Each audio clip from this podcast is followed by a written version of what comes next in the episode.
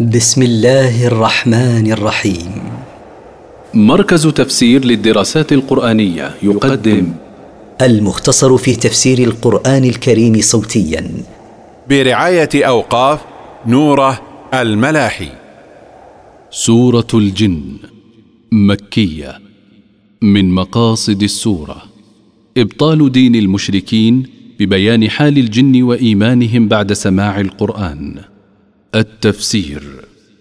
قل أوحي إلي أنه استمع نفر من الجن فقالوا إنا سمعنا قرآنا عجبا.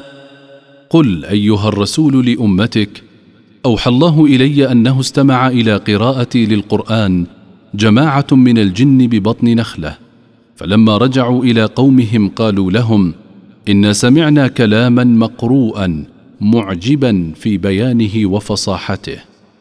يهدي إلى الرشد فآمنا به ولن نشرك بربنا أحدا.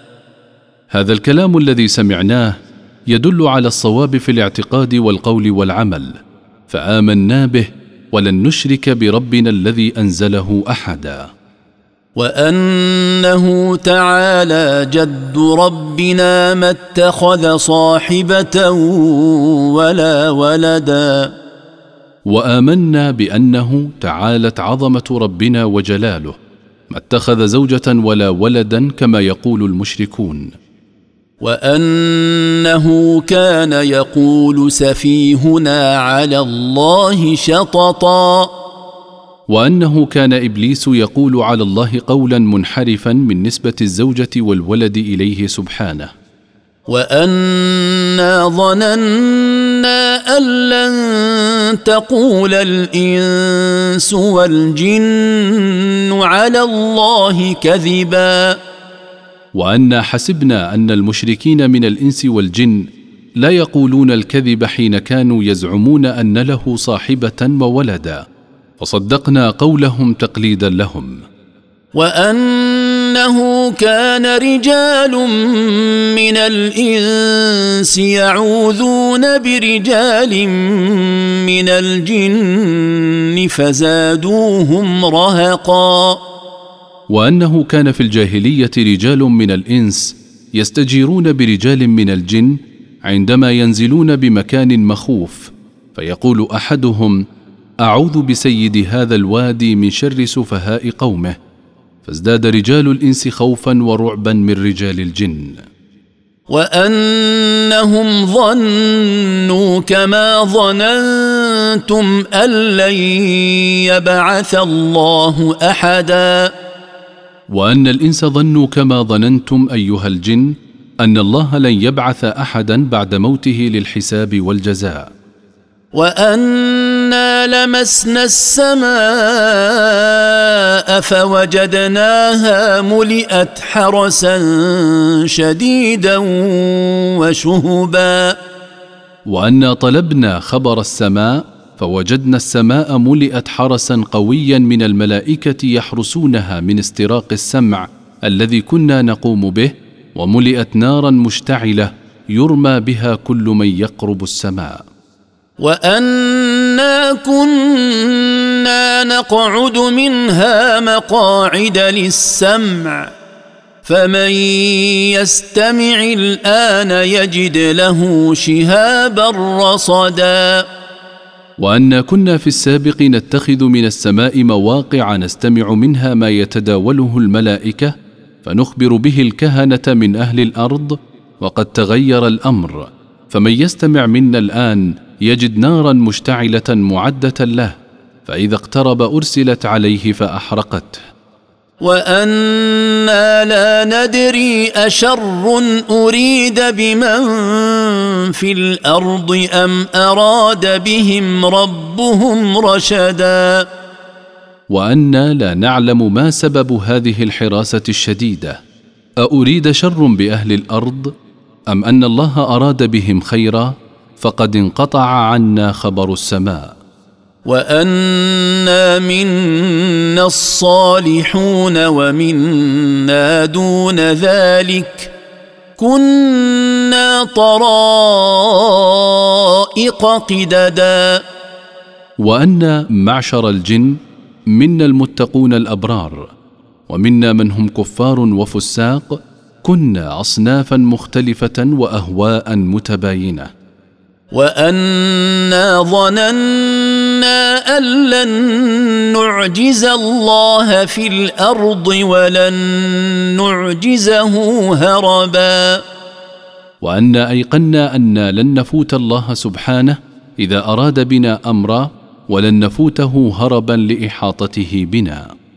وأنا لما سمعنا الهدى امنا به فمن يؤمن بربه فلا يخاف بخسا ولا رهقا.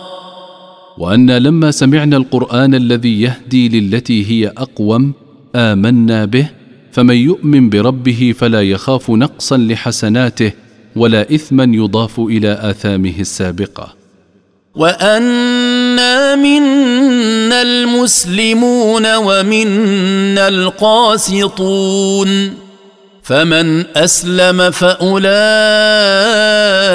تحروا رشدا وانا منا المسلمون المنقادون لله بالطاعه ومنا الجائرون عن طريق القصد والاستقامه فمن خضع لله بالطاعه والعمل الصالح فأولئك الذين قصدوا الهداية والصواب. وأما القاسطون فكانوا لجهنم حطبا. وأما الجائرون عن طريق القصد والاستقامة فكانوا لجهنم حطبا توقد به مع أمثالهم من الإنس. وأن لو استقاموا على الطريقة لأسقيناهم ماء غدقا. وكما أوحي إليه أنه استمع نفر من الجن أوحي إليه أنه لو استقام الجن والإنس على طريق الإسلام وعملوا بما فيه لسقاهم الله ماء كثيرا وأمدهم بنعم متنوعة. لنفتنهم فيه. ومن يعرض عن ذكر ربه يسلكه عذابا صعدا. لنختبرهم فيه أيشكرون نعمة الله أم يكفرونها؟ ومن يعرض عن القرآن وعما فيه من المواعظ يدخله ربه عذابا شاقا لا يستطيع تحمله. وان المساجد لله فلا تدعوا مع الله احدا وان المساجد له سبحانه لا لغيره فلا تدعوا مع الله فيها احدا فتكونوا مثل اليهود والنصارى في كنائسهم وبيعهم. وانه لما قام عبد الله يدعوه كادوا يكونون عليه لبدا. وأنه لما قام عبد الله محمد صلى الله عليه وسلم يعبد ربه ببطن نخلة كاد الجن يكونون متراكمين عليه من شدة الزحام عند سماعهم قراءته للقرآن. قل انما ادعو ربي ولا اشرك به احدا قل ايها الرسول لهؤلاء المشركين انما ادعو ربي وحده ولا اشرك به غيره في العباده كائنا من كان. قل اني لا املك لكم ضرا ولا رشدا قل لهم إني لا أملك لكم دفع ضر قدره الله عليكم ولا أملك جلب نفع منعكم الله إياه. قل إني لن يجيرني من الله أحد ولن أجد من دونه ملتحدا. قل لهم لن ينجيني من الله أحد إن عصيته ولن أجد من دونه ملتجا ألتجئ إليه. إلا بلاغا من الله ورسالاته. ومن يعص الله ورسوله فإن ان له نار جهنم خالدين فيها ابدا. لكن الذي أملكه أن أبلغكم ما أمرني الله بتبليغه إليكم ورسالته التي بعثني بها إليكم. ومن يعص الله ورسوله فإن مصيره دخول نار جهنم خالدا مخلدا فيها لا يخرج منها أبدا. حتى إذا رأوا ما يوعدون فسيعلمون من أضعف ناصرا وأقل عددا.